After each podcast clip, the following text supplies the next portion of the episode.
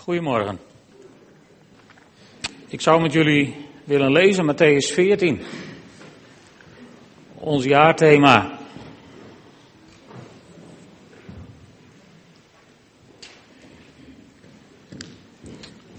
Matthäus 14. En ik begin bij vers 22. Met een daarna gelaste hij de leerlingen in de boot te stappen en alvast vooruit te gaan naar de overkant. Hij zou ook komen nadat hij de mensen had weggestuurd. Die mensen die hij juist had gevoed. Met zoveel broden en zoveel visjes. Dat wonder was net gebeurd. En dan gebeurt dit. En toen hij hen weggestuurd had, ging hij de berg op om er in afzondering te bidden. De nacht viel en hij was daar helemaal alleen. De boot was intussen al veel stadien van de vaste wal verwijderd en werd als gevolg van de tegenwind door de golven geteisterd. Tegen het einde van de nacht kwam hij naar hen toe, lopend over het meer. Toen de leerlingen hem op het meer zagen lopen, raakten ze in paniek. Ze riepen een spook en schreeuwden het uit van angst. Meteen sprak Jezus hen aan, blijf kalm, ik ben het, wees niet bang. Petrus antwoordde, Heer, als u het bent, zeg me dan dat ik over het water naar u toe moet komen. Hij zei, kom. En Petrus stapte uit de boot en liep over het water naar Jezus toe. En over deze tekst wil ik vanochtend met jullie nadenken. Hij zei, kom. En Petrus stapte uit de boot en liep over het water naar hem toe. Een prachtig zinnetje.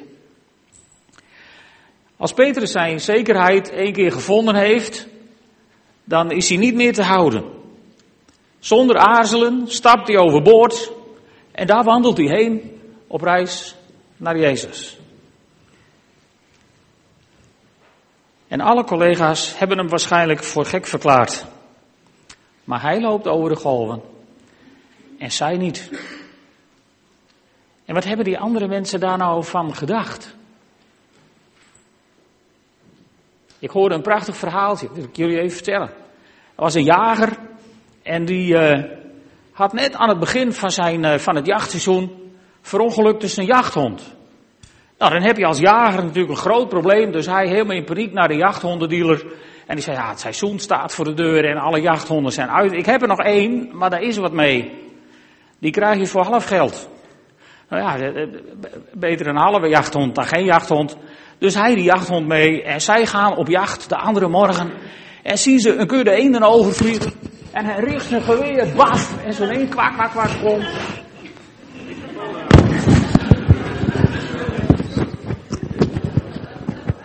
Die eend viel net als de microfoon. Alleen die viel in het water. En die jager die zegt, apport. En die hond die loopt naar de rand van het meer. En die loopt over het water. En die haalt die hond, die haalt die eend. En die brengt hem terug bij de jager. En die met zulke ogen. Dus die zit s'avonds in de kroeg. En die vertelt aan zijn vrienden van, ik heb nou toch wat. Ik heb zo'n aparte jachthond. En hij zegt tegen zijn beste vriend, ik wil graag dat je morgen met me meegaat en eens even zegt wat je daar nou van vindt. Nou, zo gezegd, zo gedaan. Dus andere ochtend met vriend opnieuw op jacht. En weer een kudde eenden en baf en plap, plap, plap, weer zo'n eend. En hij zegt, apport. En die hond die loopt naar de rand van het water en die loopt over het meer, haalt die eend en brengt hem weer terug. En hij zegt tegen zijn vriend, wat vind je van deze hond? Nou zegt die vriend, hij heeft één probleem, hij kan niet zwemmen.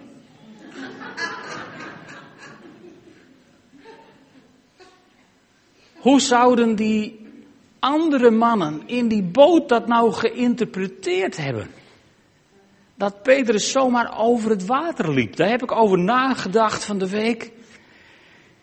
En toen dacht ik, nou, Petrus doet natuurlijk een enorme stap in geloof. Dat moet ook vaak, als je wat met God wilt beleven. En in dit verhaal ontstaan twee groepen mensen. Op het moment dat Petrus overboord stapt, zijn er waterlopers en boothangers ontstaan. En de boothangers, moet je je even voorstellen. Ik ga even in de boot zitten. De boothangers, die, die hangen in de boot. En die hangen daar zo wat over die rand. En, die, die, die kijken naar elkaar en zeggen, nou, zie je dat? Petrus doet? Dat kan nooit goed komen. Kan nooit goed komen. En het is, het is ook niet bijbels wat Petrus doet hoor. Het is ook niet bijbels wat Petrus doet. Het stond ook nog niet in hun Bijbel, hè, want zij leefden voor Matthäus. Nee, nee, want, nee, want ja, ze waren er met elkaar over in, in, in debat. En, en ze zeiden: nee, uh, nee, als je last van water hebt, volgens de Bijbel, hoor je daar met je jas op te slaan. Ja, want dat deed Elia, weet je nog wel? En Elisa ook. Ja, zei je ander, je kunt er ook met je wandelstok op zwaaien. Dat deed Mozes. Ja, ja, zijn derde, dat kan. En als je nou toevallig de ark van God op je nek hebt, zou je ook nog gewoon het water in kunnen lopen. Want dat deden ze bij Jozua. Weet je dat nog? Ja, dat wisten ze allemaal. Maar op het water lopen, nou dat leek nergens op. Dat deed je niet. Bedoel, dat hebben we nog nooit gedaan. En dat willen we nu ook niet. Zo gaat dat vaak in de kerk. Want boothangers weten het altijd beter dan waterlopers. Heel apart. Het is ook veilig natuurlijk, hangend in de boot, een hoop kritiek te hebben op degene die op het water loopt. Maar gelukkig voor ons staat het sinds die dag in de Bijbel dat je over het water mag lopen. Dus wat houd je tegen, zou ik zeggen. Sinds, ik weet de datum niet precies, maar anders zou ik hem je noemen. Sinds die tijd is het een heel Bijbels gegeven om gewoon uit je boot te stappen en over het water te lopen. Alleen, het mag nooit, en dat is heel belangrijk, let op, het mag nooit om een demonstratie gaan van mijn of jouw kunnen. Het moet altijd gaan om Jezus. Om te beginnen moet Hij het startsignaal geven. Je moet eigenlijk deze tekst, moet je even, heel scherp naar kijken.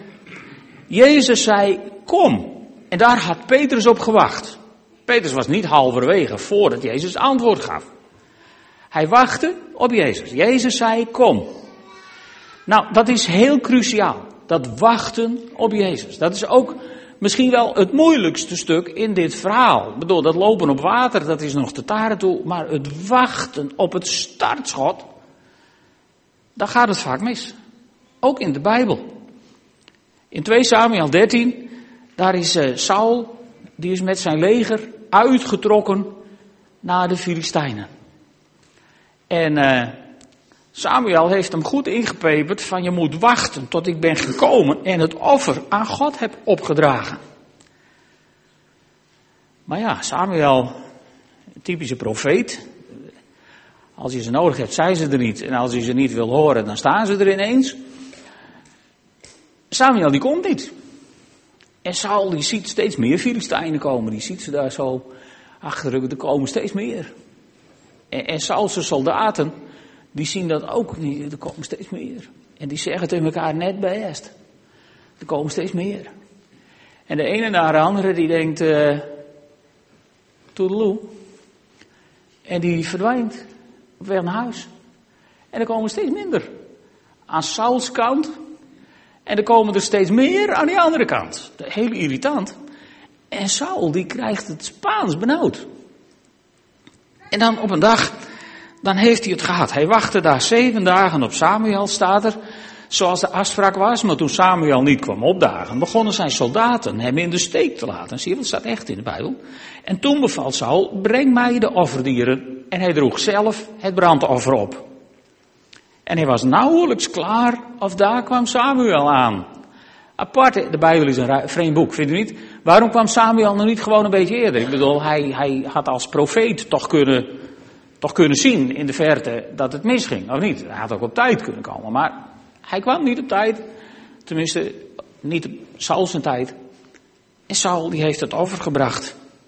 En uh, Samuel zei, wat heb je gedaan? Saul antwoordde, wat moest ik? Ik merkte dat mijn soldaten me in de steek begonnen te laten en u kwam niet op de afgesproken tijd. Met andere woorden, er waren twee schuldigen, Samuel en de soldaten, en niet Saul. Meestal zo. En uh,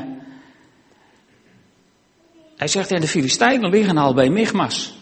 En ik dacht bij mezelf, nu zullen de Filistijnen me hier in Gilgal aanvallen zonder dat ik de Heer mild heb gestemd.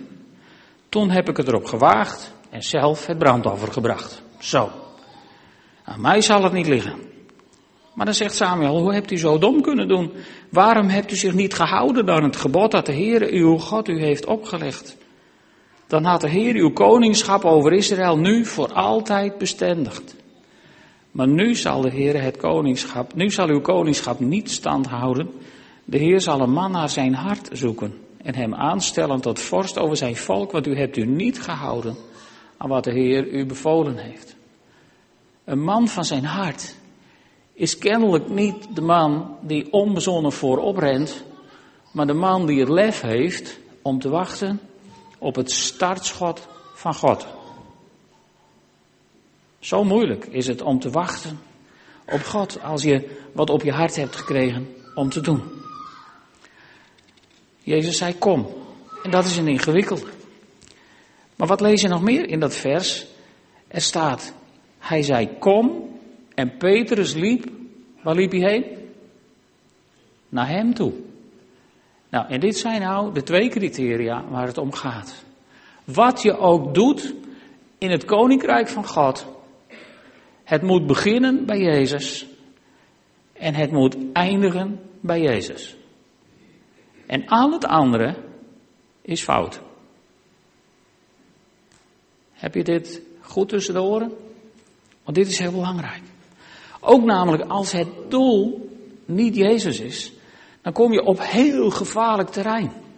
Daar staat ook een verhaal over in de Bijbel in Richteren 15. Dat gaat over Simson. Simson, of de volk Israël had, hadden nog ruzie met de Filistijnen. Dat hadden ze bij Saul, hadden ze dat ook nog. En, en nu hadden ze dat ook nog. En, en, en Simson had de natuurlijke gave om de vijand overstuur te maken. Laten we het zo maar noemen. Dus die Filistijnen, die hadden het tot hier met Simson. En die zeiden tegen de Israëlieten, nou moeten jullie eens goed luisteren. Wij maken korte metten met jullie of je levert Simson uit. En uh, ja, het, uh, het, volk van God, dat gaat naar de man van God. En die zeggen, nou Simson, wij hebben een probleem met de Filistijnen. En we gaan jou uitleveren aan de Filistijnen. Ja, ze wisten wel hoe sterk Simson was. Hè, dus ze zeiden, we hebben eigenlijk jouw medewerking wel even nodig. Want anders dan werd het niet veel. Dus nou, Simpson zei, als jullie me niet doodsteken, dan werk ik mee in dit verhaal. Dus ze knopen Simpson vast met nieuwe touwen. En ze brengen hem bij de Filistijnen. En dan zien ze de Filistijnen. Die komen in beeld. En die touwen, dat was net, al waren ze er niet meer. En Simpson, die, die, die heeft de handen ineens vrij. En dan staat er in vers 15, hij zag een ezelskaak liggen. Die ezel was daar kennelijk verongelukt. Het bot was nog hard. Hij raapte het op en sloeg er duizend man mee dood. Met een ezelskaak heb ik hun botten gekraakt. Zie je hem staan? Zichzelf op de borst kloppen. Kijk eens. Met een ezelskaak heb ik hun botten gekraakt. Met een ezelskaak heb ik er duizend geraakt, riep hij uit. En hij gooide het bot weg en noemde die plek Ramat Lechi. De heuvel van de kaak. Nog net geen Simpsons Place of zo, maar bijna. Heel happy met zichzelf. En dan staat er in het volgende vers, hij had ondertussen erge dorst gekregen. Die ezel was daar ook dood gegaan van de dorst waarschijnlijk. En daarom riep hij tot de Heer, aan u Heer heb ik deze geweldige overwinning te danken. Nou, dat was andere taal. Dat klonk al heel anders dan zo net. Moet ik nu sterven van de dorst en alsnog in handen vallen van die onbesnedenen? Toen liet God in de kom van het dal bij Lechi de aarde openbarsten. Er kwam water uit en Simson dronk ervan, zodat hij weer helemaal op krachten kwam. En hij noemde die bron, die tot op de dag van vandaag bij Lechi te vinden is, en Hakore, de bron van de roepende. Twee verhalen uit de Bijbel. Eén verhaal waarin ineens Jezus niet meer het begin is van het proces en het was dodelijk voor de bediening van Saul. Een ander verhaal waar Jezus heel even, zeg maar, niet het doel was van de activiteit, maar de eigen roem en eer van Sims of van Kijk Meijers. En het scheelde niks of hij moest het met de dood bekopen. Als hij zich niet bekeerd had en geroepen had tot God, had hij dat niet overleefd. Hij stapte uit de boot en liep over het water naar Jezus toe. Wat je ook gaat doen in je leven, laat dit principe in je leven een heel heilig principe zijn. Zorg bij de keuzes die je maakt, bij de beslissingen die je neemt, bij de stappen die je zet. Zorg ervoor dat Jezus Christus jouw vertrekpunt is. En wat je ook doet in je leven, welke stappen je ook zet, zorg ervoor dat Jezus Christus het enige doel is van je leven. Jezus zelf vat dat heel mooi samen in Matthäus 5, vers 16. Daar zegt hij, zo moet jullie licht schijnen voor de mensen, opdat ze jullie goede daden zien en eer bewijzen aan God in de hemel. Hebben we hem? Daar moet het om gaan. Dat is wat dit, eigenlijk dit ene vers uit dit verhaal even heel prachtig neerzet. Hij zei kom en Peter stapte uit de boot en liep over het water naar hem toe. Vertrekpunt en doel. En Petrus, Petrus die blijft maar uitstappen nadat hij dit één keer heeft beleefd. Want waterwandelingen zijn levensveranderend, weet je. Petrus blijft maar uitstappen. Toen hij Malchus zijn oor afsloeg bij de arrestatie van Jezus, deed hij dat uit eigen kracht. Toen werd hij op zijn nummer gezet door Heer Jezus. Toen had hij even een dipje, waar hij Jezus verlogende, maar hij werd in ere hersteld. En vanaf dat moment moet je eens kijken naar het leven van Petrus. De man die in de hof van de priester, van de hoge priester, te benauwd was om uit te komen voor zijn relatie met Jezus. Die is een paar weken later op de Pinksterdag de hoofdspreker op de eerste Pinksterconferentie. Onvoorbereid, zomaar uit zijn blote hoofd, preekt hij 3000 mensen het doopbad in. Ben ik nog jaloers op. En, en, en heel even later, heel even later, is hij de eerste apostel die een genezingswonder doet in Jeruzalem. Je dat verhaal, Petrus en Johannes, op weg naar de tempel? Gewoon, ze deden gewoon wat je als Jood hoorde te doen. Je was op weg naar de tempel. En bij de Gouden Poort, waar, waar je de tempel in ging, daar zat een bedelaar. Ah, die zat daar al eeuwen, maar was nog nooit opgevallen misschien. En ineens stapt Petrus op die man toe. En nou, ik zou zeggen, als ik nog nooit iemand, nog nooit iemand zomaar een verlamde op zijn voeten had gezet, dan had ik toch gedacht van, kunnen wij een afspraak maken vanavond even als het hier niet zo druk is of zo. En dan moet ik eens even met je praten, of niet? Maar Petrus gelijk zijn grote mond open en die roept van, uh, goud en zilver heb ik niet, maar wat ik heb, dat geef ik je in de naam van Jezus, sta op. En dan trekt hij hem ook nog overeind. Nou, alles wat vandaag de dag verboden is in bedieningen, dat doet hij. En die man wordt genezen. Weer is hij uit de boot. En kennelijk heeft hij het startschot van Jezus gehoord, van dit is de tijd voor deze man. Want het resultaat is dat God wordt verheerlijkt. En later in Joppe, daar wekt hij zelfs in de doden op. Ik heb soms ook wel met Petrus te doen. Dan denk ik van, dan roepen ze Petrus daar, van we hebben iemand die heeft heel veel goeds, doet hij in de gemeente en die, die, die naait en die breidt en die haakt en ik weet niet wat ze allemaal deed, maar ze maakten allemaal kleren. En, en toen was ze dood. En dan roepen ze Petrus. En dan denk je, oh help, of niet? Ik moet er niet aan denken dat iemand mij roept van, nou hier is iemand overleden en uh, wil je die wel even weer... Uh... Poeh. Ik, zou zeggen, ik heb vandaag een snipperdag of zo, niet? Ik bedoel, dan bedenk je wat, want die ziel, hij wordt daarvoor gezet en hij gaat daarheen. En Dorcas komt tot leven. Wonderlijk. En tenslotte is Petrus de eerste apostel die een heiden bij Jezus brengt. Ook zo'n dramatisch verhaal. Je bent Jood. En je weet één ding, onreine dingen eet je niet. De wet is verschrikkelijk belangrijk. En bij een heiden kom je niet door de deur. Want dan ben je onrein. En onrein worden is het ergste wat je als Jood kan overkomen. kent toch het verhaal? Dan komt er zo'n laken uit de hemel met allemaal dingen erin die hij beslist niet mag eten. En God zegt, joh, slacht ervan en eet. En Petrus zegt, ja, geen denken aan. Geen denken aan. Heer, als u de wet niet kent, weet ik niet, maar ik ken hem wel. En uh, zo doen wij dat hier niet. Hebben we nog nooit gedaan en dat gaan we nu ook niet doen. Maar uiteindelijk zwicht Petrus voor het startschot uit de hemel. Dat startschot wat tegen Petrus zegt, wat ik rein heb verklaard, mag jij niet meer onrein noemen. En zo komt hij uiteindelijk bij Cornelius in huis. Cornelius bekeert zich. Petrus heeft de euvele moed en doopt Cornelius met de mensen die bij hem in huis waren. En de hele gemeente valt over hem heen. Want toen had hij het nog niet geraden hoor. Er was geen halleluja-stemming van hoera, we hebben een Romein in de gemeente. Nee, de stemming was van had je dit nou kunnen doen, want dit hoort niet. En weer wisten de boothangers het beter dan de waterloper. Lastig, zoiets. Maar Petrus blijft uitstappen in geloof. En, en vandaag zou ik u uit willen dagen. Waterwandelingen zijn levensveranderend. En wilt u ook zo'n veranderingsproces? Zeg dan net als Petrus ook eens tegen Jezus.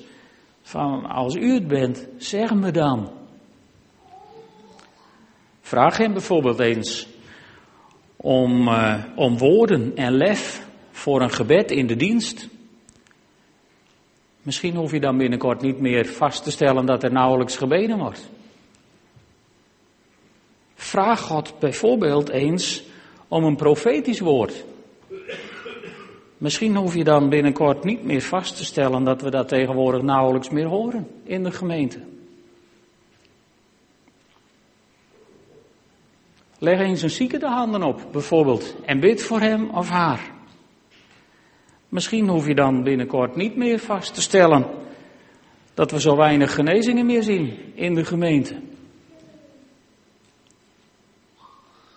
Doe eens royaal in je financiële bijdrage aan de gemeente.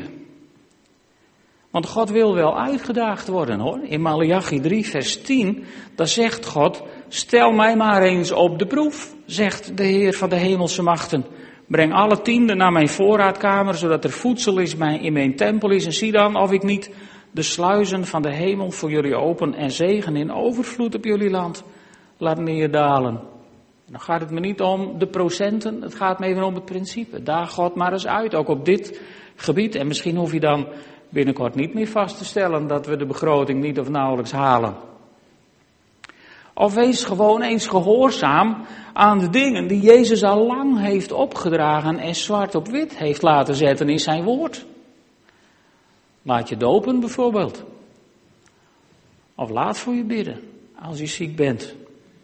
Hele gewone dingen in het koninkrijk van God. Want vaststellen dat het er niet meer is, heeft nog nooit iemand een stap vooruit gebracht. Jezus uitdagen en zeggen, Heer, als u het bent, zeg me dan. Dat heeft al heel wat wonderen in het koninkrijk van God laten gebeuren. Daag God maar uit en wacht op zijn reactie. Zou je dat durven? Vast niet. Zou je het willen dan? Zullen we gaan staan en samen bidden?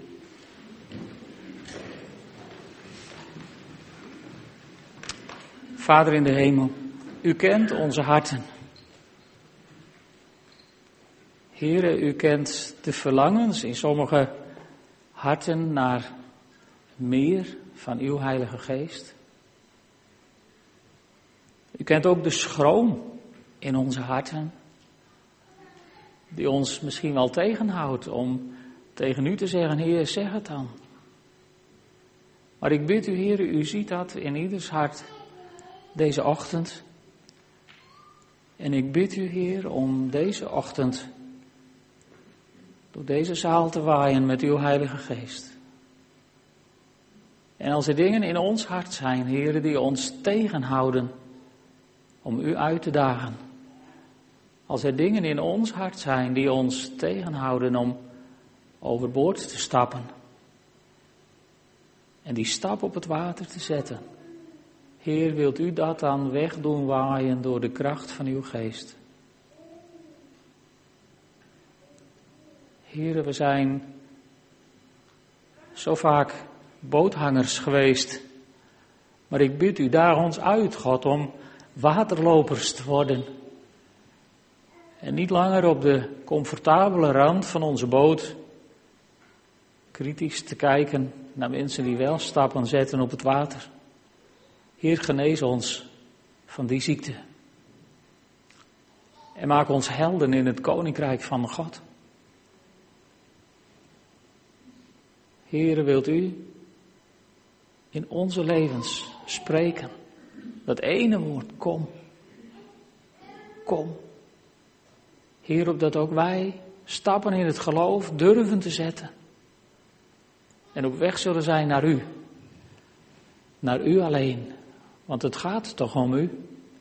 Om u alleen, Jezus. Amen.